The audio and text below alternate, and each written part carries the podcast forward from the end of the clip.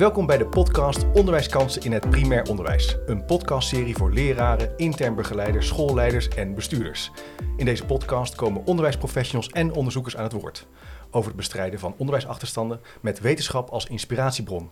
Het programma Onderwijskansen is een samenwerking van het Nationaal Regieorgaan Onderwijsonderzoek, de PO-raad, het ministerie van OCMW en verschillende onderwijs- en onderzoeksinstellingen. Voor meer informatie kijk op www.onderwijskansen.eu. Mijn naam is Chip de Jong en leuk dat je luistert. Aan tafel zitten Linda Vase, leerkracht in groep 3 bij basisschool Hulsberg in Zuid-Limburg en taal- en leesspecialist. Leuk dat je er bent. Hallo. En aan mijn rechterzijde Joanneke Prenger, taalexpert en curriculumontwikkelaar bij het SLO. Ja, dankjewel. We hebben volgens mij het noorden en het zuiden samen in deze podcast. Ja, dat klopt. Joanneke komt uit Groningen en jij komt uit Heerlen.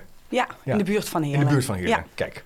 Nou, we gaan het in deze podcast hebben over leesbevordering en waarom dit thema nou juist nu belangrijk is als het gaat om leerlingen met een onderwijsachterstand. Dat is het thema van de podcast. Ehm, ik zou eigenlijk willen starten met toch de hoofdvraag. Ehm, waarom moeten we het hebben over leesmotivatie? Ehm, en dan als tweede, waarom is het nou specifiek relevant voor kinderen met een onderwijsachterstand?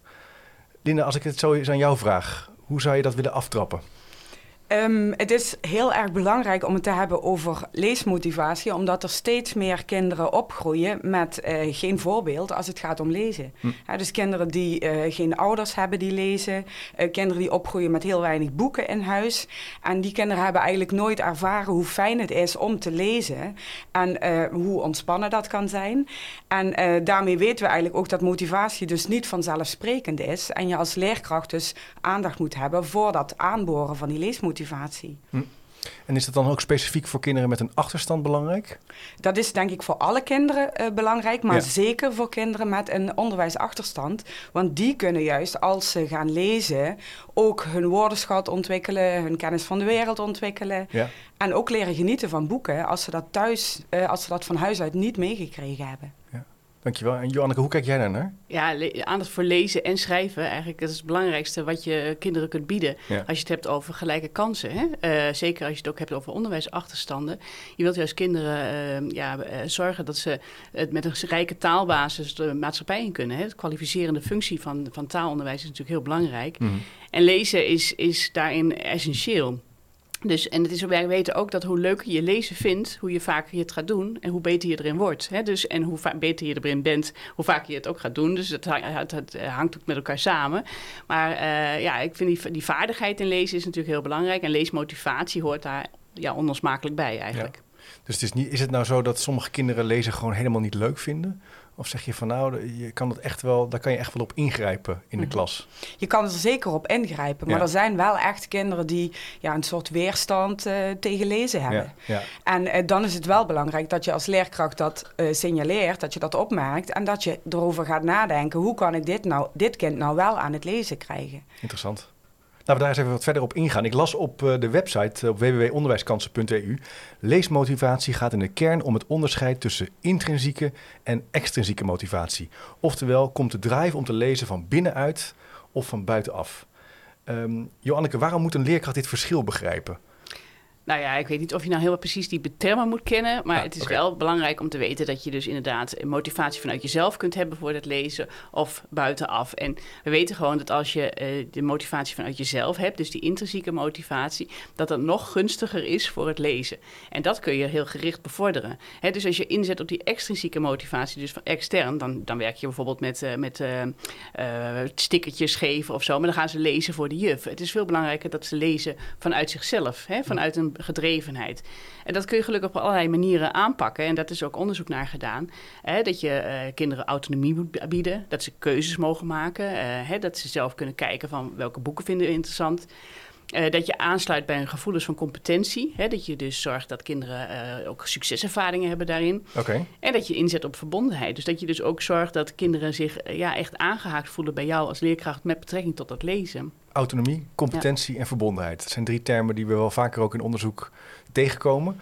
Eh, Kan je kinderen vanaf jonge leeftijd al autonomie geven in het, in het lezen? Zeker. Ja? Ja, als je eh, als leerkracht bijvoorbeeld over een eh, bepaald onderwerp wil lezen. Hè? Je wil kinderen nu Ja. in tijd van eh, de herfst iets leren over, over bomen. Mhm. En je zou daar meerdere boeken van in de klas halen of meerdere teksten en kinderen daaruit laten kiezen. Dan hebben kinderen toch het gevoel dat ze zelf kunnen kiezen. Ondanks dat jij misschien als leerkracht daar een beetje richting aan gegeven hebt. Ja, ja. Maar zo, zo hebben ze wel het gevoel dat ze kunnen kiezen. En in een bibliotheek natuurlijk ook, hè? door eh, met kinderen te kijken welke boeken zijn er en ze daaruit te laten kiezen. En Janneke, dan moet je denk ik wel ook eh, als, eh, als leraar, of leerkracht, ja, veel ook zelf hebben gelezen. Dat je wel een beetje weet wat er in die boeken te vinden is. Ja, zeker. Ja, je moet echt een beetje op de hoogte zijn van actuele jeugdliteratuur. En, en Mm. eh, dat bedoel ik eigenlijk de hele brede range mee. Dus ook de non-fictie, de wat zakelijke teksten. Ja. Eh, zodat je kunt weten van, ja, eh, in gesprek met leerlingen... van, goh, dit is een typisch een boek wat bij jou past. Hè? Ja. Want dat is denk ik wel het, het punt wat je dus... ook een prachtige publicatie van Stichting Lezen net verschenen, mooi onderzoek. Dat, dat stillezen, dat werkt eigenlijk alleen maar als je er dus echt een geschikt boekenaanbod aanbiedt. Hè? Dus een verrijkt stillezen noemen ze dat. Dus dat je dus ook als leerkracht leerlingen niet zomaar iets uit de kast laat trekken en eh, ze zitten zwijgend te, te, te lezen, maar dat je ook echt kijkt van wat is de match tussen jou en eh, wel- wat, bepaal- ja, wat boek eh, past bij jou Ja. eh, qua niveau en interesse. Dus die leescultuur is niet voldoende om te zeggen, nou we lezen elke dag een half uur. Dan hebben we een leescultuur. Je moet eigenlijk toch wel wat meer doen hè, in je school. Linda, hoe, hoe, kan jij eens wat voorbeelden geven hoe jullie in je school werken aan die leescultuur? Ehm, ik vind sowieso dat je eh, eerst als, als team hè, moet je doordrongen zijn van de urgentie ervan. Je moet wel echt zelf ook voelen dat het belangrijk is om lezen eh, eh, ja, eigenlijk topprioriteit te maken. En ehm, dan kijken naar je beleid en kijken naar de dingen die je doet. En bijvoorbeeld voorlezen is natuurlijk een hele belangrijke. Hè? En ik vind eigenlijk dat je in iedere groep eh, iedere dag zou moeten voorlezen. Omdat kinderen zo ook kennis maken met boeken. Eh, andere boeken dan dat ze thuis eh, zouden kiezen. Of dat ze zelf in de bibliotheek zouden kiezen. Ja. Ehm, maar bijvoorbeeld ook zo'n dingen als samen in een boek lezen. En je hebt natuurlijk hele mooie eh, acties in Nederland, zoals Junior Leest Ja. of eh, Stichting Geef een Boek cadeau. Waarbij je eigenlijk heel voordelig een hele serie dezelfde boeken kunt eh, kopen. Dan ga je En dat die dan- samen lezen. dat samen lezen. En daar kun je wel over praten. En hè, kinderen kunnen verder lezen van dezelfde schrijver bijvoorbeeld. Leuk, ik zie Janneke knikken. Eh, Ja. je, je wil er wat op aanvullen Ja. volgens mij. Ja, nou ja, weet je wat, wat het probleem altijd wel een beetje is, is dat eh, leraren eh, die leesbevordering heel vaak als extra activiteiten die losstaan van het reguliere programma zien. Hè? Dus eh lezenbevordering, en, en dat zit een beetje in de culturele hoek inderdaad, bij Mhm. de kinderboekenweek en dergelijke. Maar lezen is essentieel onderdeel van het, het curriculum. De kinderen moeten leren lezen. Hè? Dus, maar dat zit eigenlijk de hele dag door, zou je met boeken kunnen werken. En dat is wel iets wat je dus nou ook ziet. eh, dat zijn eigenlijk inzichten die al 15 jaar uit onderzoek blijken. Hè. We weten prima eh, hoe we kinderen goed kunnen leren lezen. Dat, dat is al bekend. Maar die, die omslag naar de hele, een focus op boeken de hele dag. Dus ook op het moment dat je bijvoorbeeld eh, bij eh, geschiedenis werkt rond de Tweede Wereldoorlog. Of bij aardeskunde over Ja. vulkaanuitbarstingen. Hè, dat je daar ook boeken bij kunt, kunt gebruiken. En dus ook leerlingen weer kunt stimuleren om te lezen. Dat is wel iets wat dus nou eigenlijk pas lijkt te landen. En daar zijn we heel blij mee. Hoe, hoe pakken jullie dat aan? Los van die, die lezen, hè, samen lezen, Ja. voorlezen in alle groepen. Hè, zeg je Mhm. al, is belangrijk. Mooie literatuur, ook die, die school inbrengen. Ja. Pak je dat ook aan bij, de, bij andere vakken bijvoorbeeld? Ja, precies. Wij koppelen eigenlijk lezen ook aan eh, wereldoriëntatie, aan de kleuterthema's bijvoorbeeld, maar ook in de midden- en de bovenbouw aan de thema's. En heel belangrijk daarbij is het contact ook met de BIEB. Dus wij vragen onze leesconsulenten om boeken aan te dragen die passen bij het thema. En dat zijn dan alle soorten boeken. En eh, die boeken die eh, lezen we deels samen met kinderen, maar daar kunnen ze ook wel zelf uit kiezen. En wat wel heel mooi is, is dat je ook eh, ziet dat collega's kansen zien om doelen van andere vakken te verbinden dan aan die teksten. Bijvoorbeeld als je het hebt over eh, zelfstandige naamwoorden bij taal. Ja. Waarom niet in de tekst die je gelezen hebt bij wereldoriëntatie daar zelfstandige naamwoorden gaan zoeken? Samen lezen, onderstrepen. Samen lezen, onderstrepen, ja. En je noemde even het woord leesconsulent. Voor degene die nu denkt, hé, hey, wat is dat? Kan je dat eens toelichten? Nou, de leesconsulent is eigenlijk de contactpersoon van eh, de school eh, voor de BIEB. En die weet, als het goed is, heel veel over het aanbod van de BIEB. En nou, wij hebben in ieder geval de ervaring dat die soms heel verrassend passend ook kan adviseren. Nog eigenlijk, hè, nog veel meer dan dat wij zelf weten vaak. Dus zij komt met hele mooie tips. Dus de bibliotheek is hartstikke belangrijk, Janneke. Ja, want ik, dat is wel een mooi linkje inderdaad. Want, want Linda heeft het voortdurend over thema lezen. Hè? En dat thema lezen, dat is eigenlijk niet zomaar dat je dat vrijblijvend gaat doen.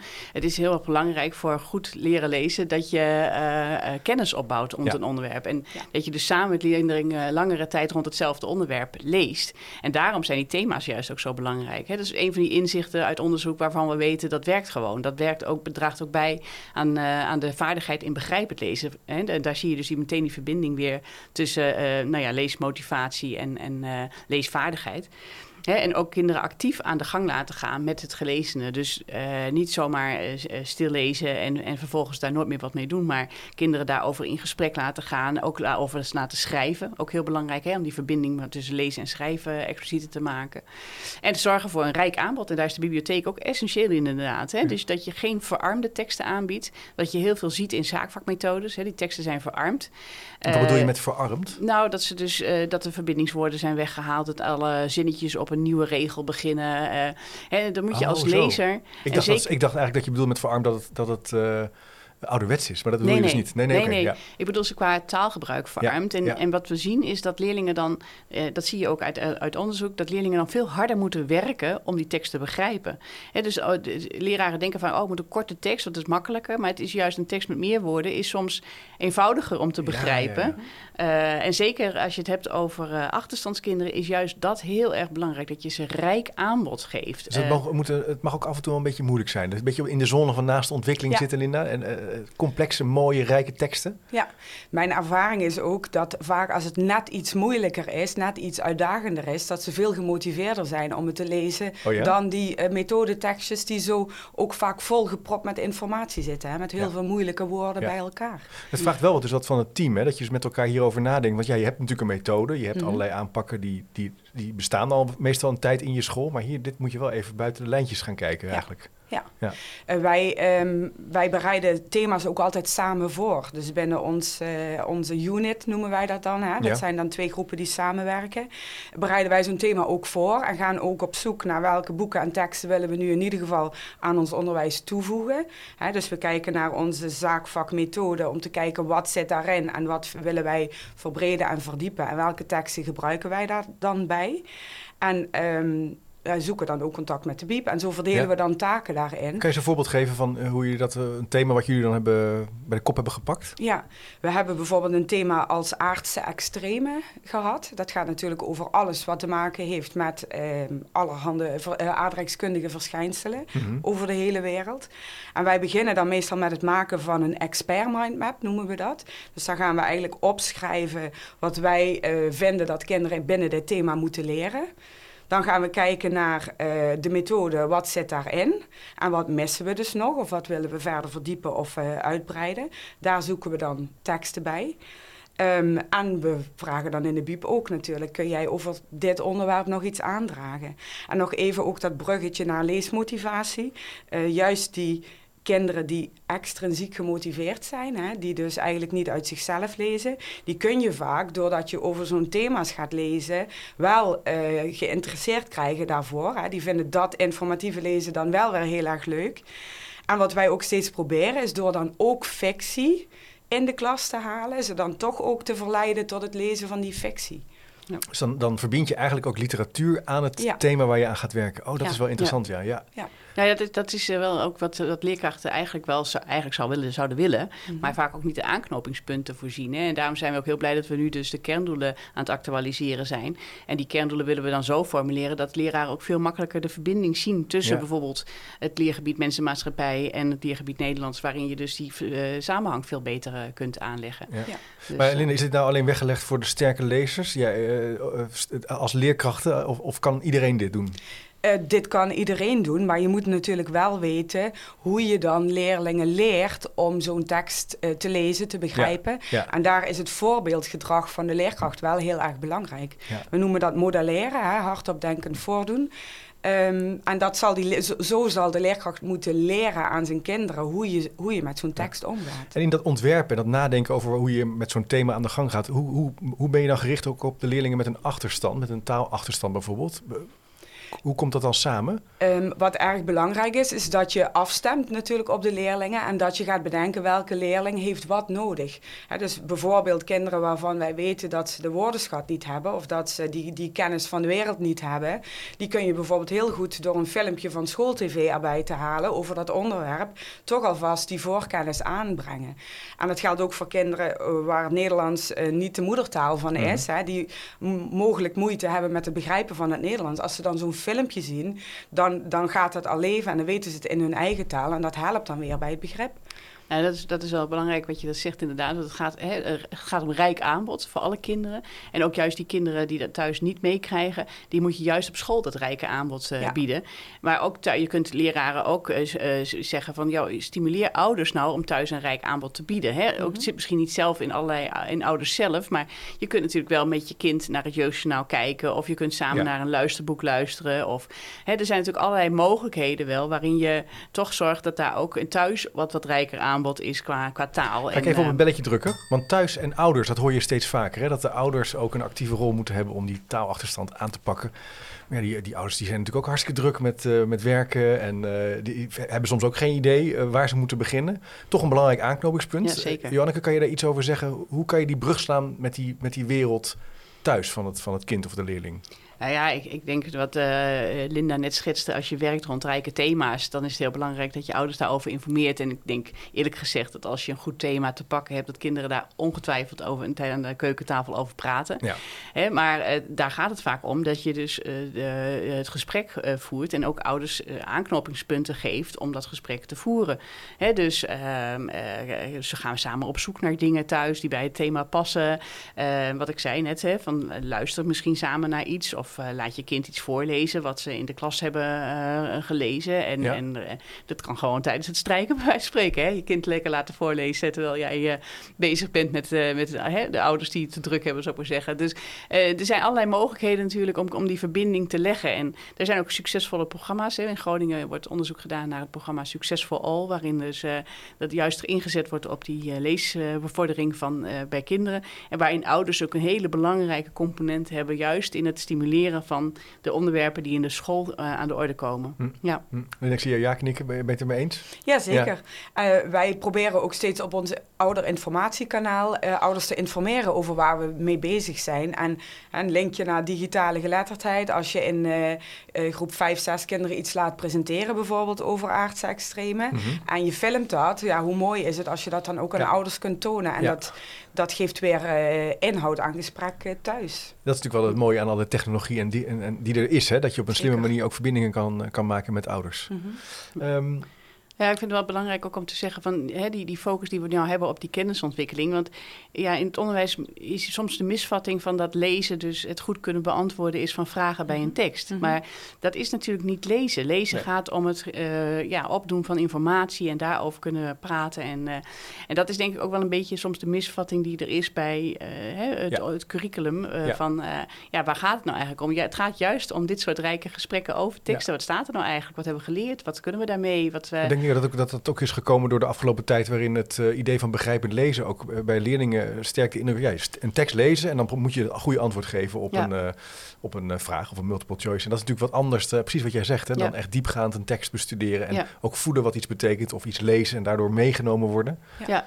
Nou ja, dan geef je leerlingen ook een doel. Hè? Met, uh, dat is ook belangrijk dat, ik, dat je een leesdoel hebt. En dan, dat bepaalt heel erg de aanpak, hoe je een tekst aanpakt. En als je geen noodzaak hebt om een tekst te lezen, maar nee. alleen uh, het beantwoorden vraag, van de vragen de, ja. de, de, noodzaak is, ja, dan lees je ook een tekst heel anders. Ja, ik ben het helemaal met je eens. Ik had laatst mijn uh, middelste zoon thuis, die was, zijn was het doel van in, in hemelsnaam het boek uitkrijgen. Ja, ja dat is natuurlijk, dan zijn we niet meer op de goede weg, hè? Maar het gebeurt nee. natuurlijk wel af en toe. Ja. Ja. Ja, en, en um, wat ik een heel interessant thema vond, waar we het in de voorgesprek over hadden, waren leesgesprekken met kinderen. Mm -hmm.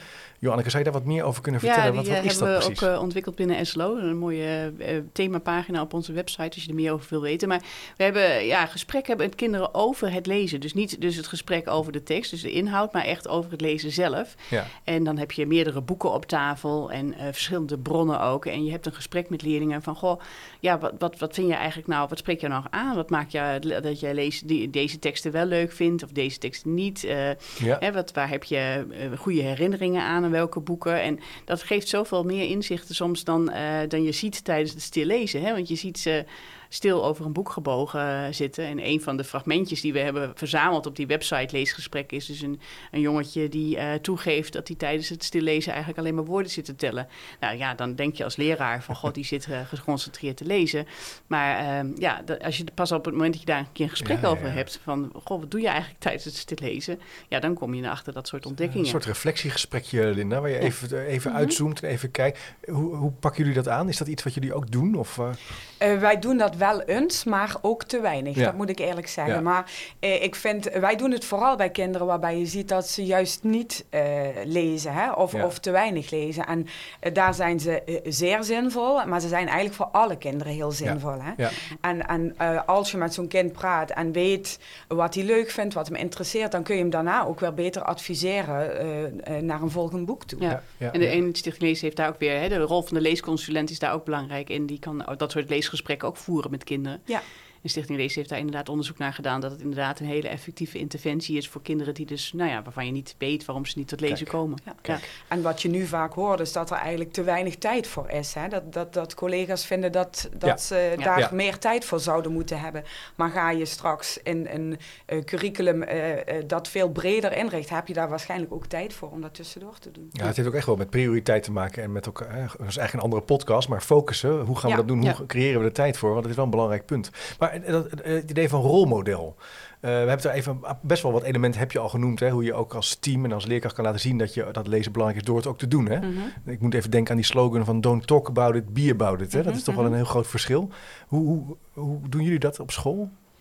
Nou, um, ik vind in ieder geval dat je een rolmodel moet zijn, bijvoorbeeld tijdens zo'n stil lezen. Hè? Dus niet alleen de kinderen lezen, maar jij leest ook. Dus niet op je computer de administratie doen? Nee, dat is heel erg. Uh, dat, dat, dat gebeurt wel eens. Hè? Of even dat een collega iets ja, wil komen even vragen. Op een app even wat uh, ja, sturen. Maar eigenlijk zou je het dan het voorbeeld moeten geven. En juist als jij ook zit te genieten van een boek, hè, of ook moet lachen om een grapje, dan is het ook heel mooi als je dat aan kinderen kunt vertellen. Ja. En als je dan uh, zelf aan het lezen bent heb je meteen ook tijd om je in te lezen in het uh, boekaanbod voor jouw groep. Ja. ik zeg ook vaak, trek gewoon een boek uit de kast voor jouw leerlingen en uh, lees er een stukje uit. En dan kun je daar weer over vertellen, kun je dat weer promoten. Dan zeg je eigenlijk dat het dus belangrijk is dat je ook wel blijk kennis hebt over de boeken die de kinderen in je klas lezen. Janneke, dat zeker. ja, ja, ja, ik zou even nog aanhaken. Dat, ja, precies. Dat, uh, het is wel mooi. Rolf van Steensel doet hier ook onderzoek naar. Hè, en die heeft dus ook vastgesteld, of oh, op basis van andere bronnen, maar ze gaan daar ook vervolgonderzoek naar doen. Want als je dus als leraar inderdaad zelf uh, bevlogen bent voor het lezen, dan doe je ook veel vaker leesbevorderende activiteiten. En als je uh, bevlogen bent voor lezen, doe je, vul je die ook vaak anders in. Dus er gaat een veel grotere betrokkenheid uit. Dus het is ons essentieel, denk ik. En, en dat is dus wel iets van, ja, moet je als leraar uh, sowieso zelf van lezen houden? Ja, ik vind van wel. Ik vind eigenlijk dat je dus uh, de PABO alleen maar af kunt ronden als je minimaal 30 uh, eh, jeugdboeken hebt gelezen. en als je in ieder geval laat zien dat je op de hoogte bent van de jeugdliteratuur. Het kan niet waar zijn dat je nog nooit een jeugdboek van binnen hebt gezien en zegt van lezen vind ik niet belangrijk of we houden niet van lezen. Als je zelf leraar bent en leerlingen het meest belangrijke moet meegeven wat er op de basisschool aangeboden moet worden, namelijk leren lezen. Dus, um, en ik snap wel dat leraren heel, druk hebben en het heel uh, veel is om alles bij te houden. Maar er zijn zulke mooie initiatieven. Uh, nu frappante fragmenten, de grote vriendelijke podcast, leesbevordering in de klas. Prachtige websites waarop je je toch echt wel kunt verdiepen en, en op de hoogte kunt zijn. Van, ja, en wat ik heel leuk vind aan deze podcast, aan dit gesprek, is dat je dus op allerlei manieren ook echt je inhoudelijke kennisoverdracht kunt verrijken. Dus het gaat over lezen op zichzelf. Maar je kan dus ook heel veel doen met die nou ja, aardse krachten, thematisch kijken naar nou je vakken. Ja, meer over, over die aanpak. Dat hebben we bij, uh, met, samen met de Stichting Lezen en SLO hebben de website lezen in het po.nl gemaakt. En er staat ook echt de didactisering van deze ideeën uh, uitgelegd. Ook met filmpjes en doorkijkjes naar de praktijk. Dus we hopen daar echt uh, het onderwijs mee te inspireren. Dus als je nu luistert, kijk even naar de speaker notes. Dan zetten we de linkjes even erop om, uh, ja, om ermee aan de slag te gaan. Um, Joanneke, er is net een peiling gedaan over de leesresultaten. Kan je daar wat meer over zeggen? De resultaten moeten nog gepubliceerd worden. Dus uh, alleen nog de factsheet verschenen van de inspectie. maar uh, in januari, februari verwacht ik de, de, resultaten van de hele peiling.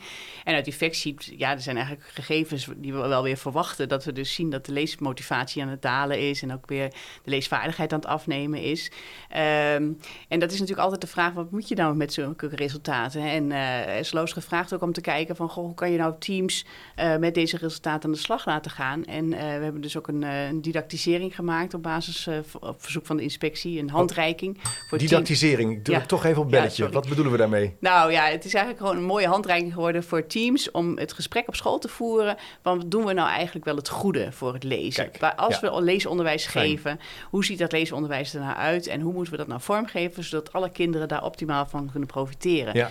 En dat zit gewoon in didactiek. Hè? Dat, dat is, uh, nou ja, de, de, de, hè, de tekst met vragen, dat is niet, dat is de vorm. Maar het gaat eigenlijk uh, om van, ja, hoe leer je de kinderen nou goed lezen? Wat, is nou, wat zijn nou de inzichten van effectief leesonderwijs? En dan gaat het veel verder dan, uh, kijk, de tekst met vragen is uiteindelijk de toets aan het eind. Maar dat moet niet je curriculum bepalen. Je geeft eerst rijk leesonderwijs, waarin je aandacht hebt voor boeken, met de kinderen op verkenning gaat rond uh, rijke thema's, en voorleest over dat thema, heel breed aanbod doet met activiteiten. En pas aan het eind komt die tekst met vragen. Maar dat, dat is echt wel een omslag in het denken vaak van leraren. Uh, maar ik zie eigenlijk gelukkig ook wel in het land heel veel teams daar al hele mooie stappen in zetten. Hoor. En ik zie ook uitgevers daar al op bewegen. Die gaan ook steeds meer richting dat thematische. Dus er, er is echt wel, je hoeft dat echt niet het wiel opnieuw zelf uit te vinden. je mag echt wel leunen op, op wat er al is. Ja, ja. staan op de schouders van reuzen. Er is heel veel bekend over uit, uit de wetenschap hoe je dit kan doen. Ja, dat is een prachtig boekje ook. Leerzelezen.nl is ook gratis te downloaden. Dat is ook een uh, fijne bron. Nou, dan kan je wel even mee van start als je deze podcast hebt geluisterd. Nou. Maar Linda, als je nou nu luistert en denkt, ja, ik zit, ik, ik zelf, ik ben niet zo'n echte lezer. Ik lees wel wat. Ik, ik, in mijn team ook niet echt. Wat kan je nou doen? Hoe kan je nou, uh, wat zijn drie dingen die we misschien kunnen aanreiken? Hoe je kan starten met je team?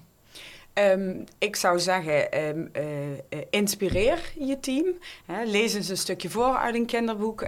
Um, begin een teamvergadering met uh, een beetje boekpromotie. Bijvoorbeeld in een bepaalde tijd van het jaar waarin je boeken aan elkaar laat zien. Ja.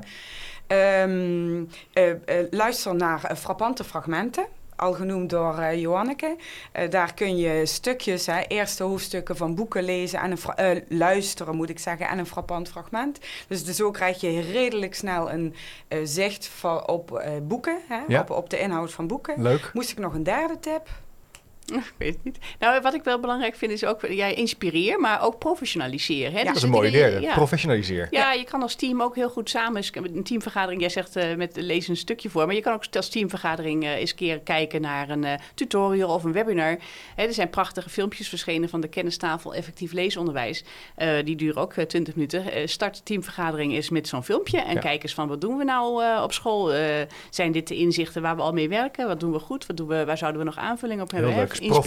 Professionaliseer, ook op het gebied van hoe je lesgeeft en hoe je dat met elkaar doet. En rijk, ja, verzamel zoveel mogelijk inspiratie. Ja, er is heel veel op dit moment. Veel. En uh, er is echt wel uh, ook mooie handreikingen voor om dat echt wel te benutten in de klas. En het lijkt soms heel ingewikkeld. En, en je, je wilt misschien dan zeggen van, oh, we moeten zonder methodes. Dat hoeft helemaal niet. Als je dus zegt van, nou, wij gebruiken nieuwsbegrip, prima. Uh, maar dan lees is de tekst over bootvluchtelingen. Nou, zoek daar dan eens een boek bij. Lees eens voor over bootvluchtelingen. Kijk eens naar een filmpje. Uh, wat je al doet, dan zet je al een eerste stap. En dat, uh, dat hoeft helemaal niet zo heel ingewikkeld te zijn. Nou, wat een, eh, wat een rijkheid aan interventies en, eh, en suggesties. Hè. Die kan je ook uh, opzoeken op de themapagina. En daarvoor kan je even weer gaan naar www.onderwijskansen.eu. Daar vind je eigenlijk alles. Ik zou zeggen, ga er naartoe en ga aan de slag. Um, hartelijk dank voor jullie mooie bijdrage aan de podcast. Ontzettend leuk om met jullie over in gesprek te, te geraken. Tot slot, dit was een podcast in de serie van het programma Onderwijskansen. Check zeker even www.onderwijskansen.eu.